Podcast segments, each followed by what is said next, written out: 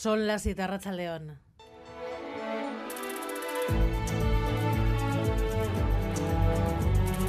Gambara con Arancha García.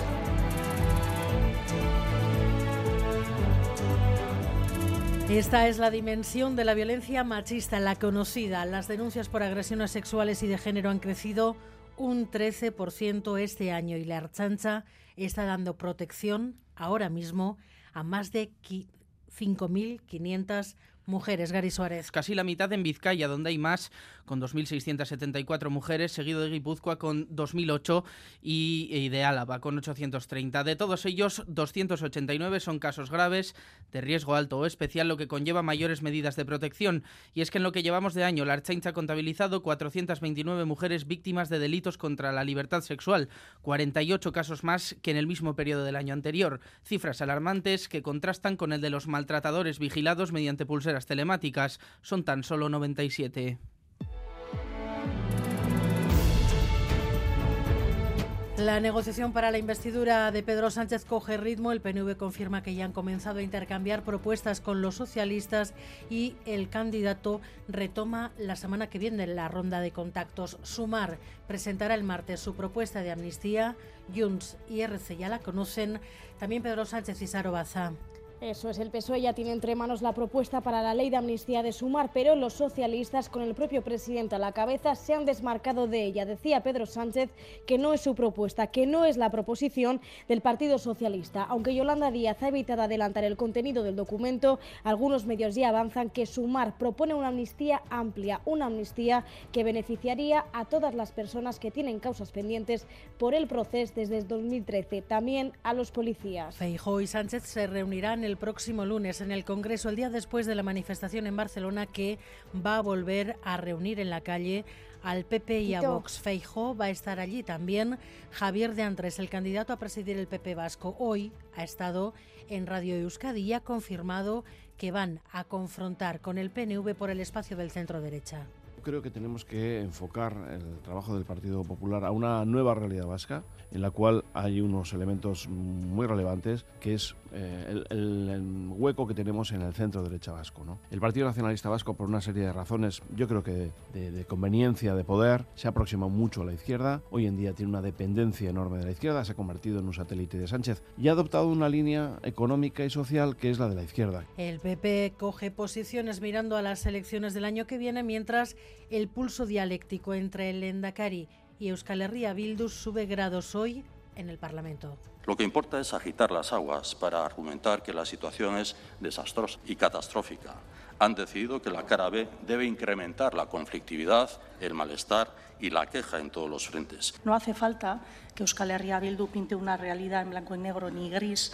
Se basta este gobierno solo con su gestión y diría que la ciudadanía cada vez es más consciente de ello. Herri honen zati honek ez du merezi oposizioaren oposizio egiten diarduen lehendakari bat.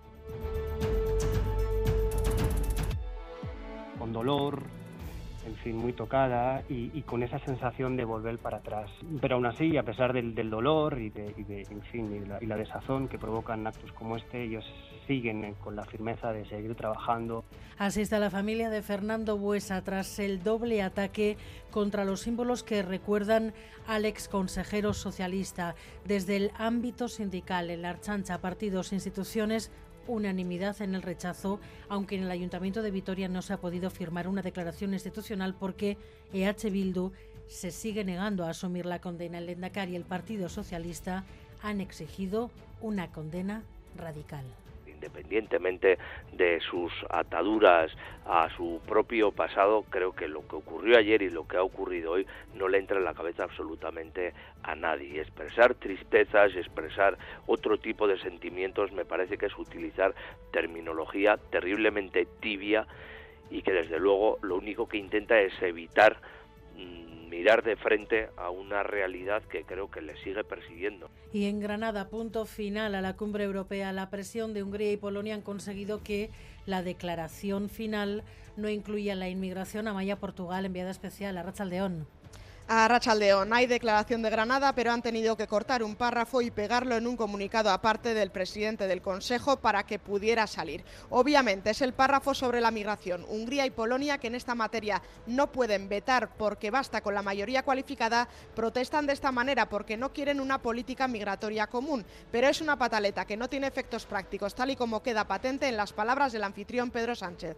Puntualizar que hay declaración conjunta lo que no hay es un párrafo vinculado con la migración. Y en segundo lugar, recordar que este es un consejo informal, es informal. ¿Qué quiero decir con esto? Que para mí lo más importante es lo que hemos logrado nuestros ministros de Interior eh, hace unas semanas con el acuerdo del reglamento de crisis.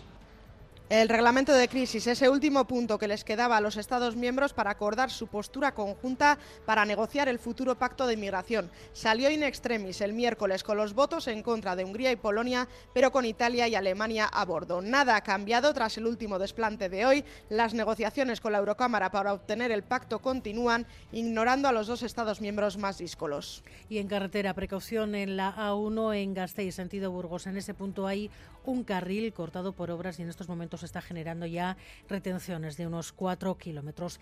Y los deportes, hoy con qué argumentos, Edu García, Rachaldeón. ¿Qué tal, Rachaldeón? Pues con tres citas destacadas para esta tarde-noche de viernes. A las 9 en San Mamés, la novena jornada de Liga en Primera División. Atlética Almería, el conjunto rojiblanco recibe al colista. Quiere ganar para irse el parón con buenas sensaciones y con puntos en el casillero.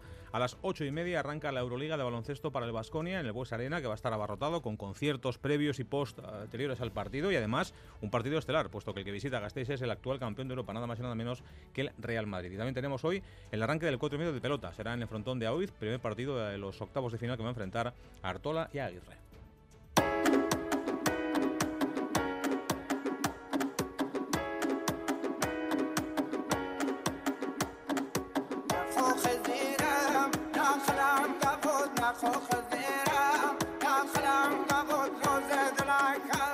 Mujeres en prisión por quitarse el velo, recluidas en celdas de aislamiento. El movimiento surgido en Irán tras la muerte de Masha Amini en defensa de los derechos y libertades de las mujeres es el Premio Nobel de la Paz de este año. Xavier Madariaga ha hablado con mujeres de la comunidad iraní en Euskadi.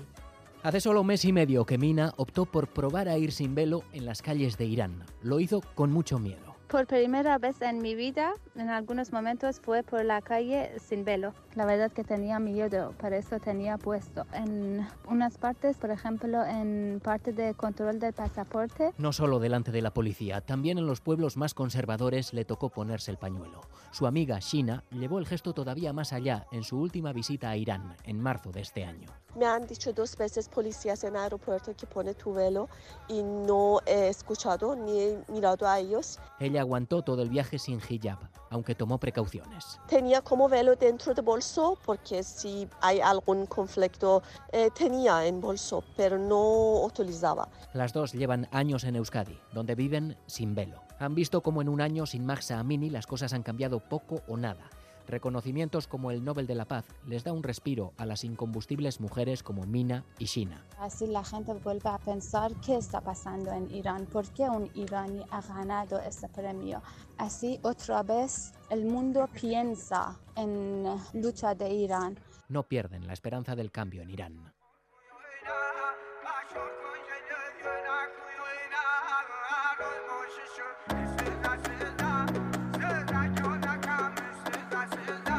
Arancha Prado y Alberto Subeldia están en la dirección técnica, Cristina Vázquez en la producción.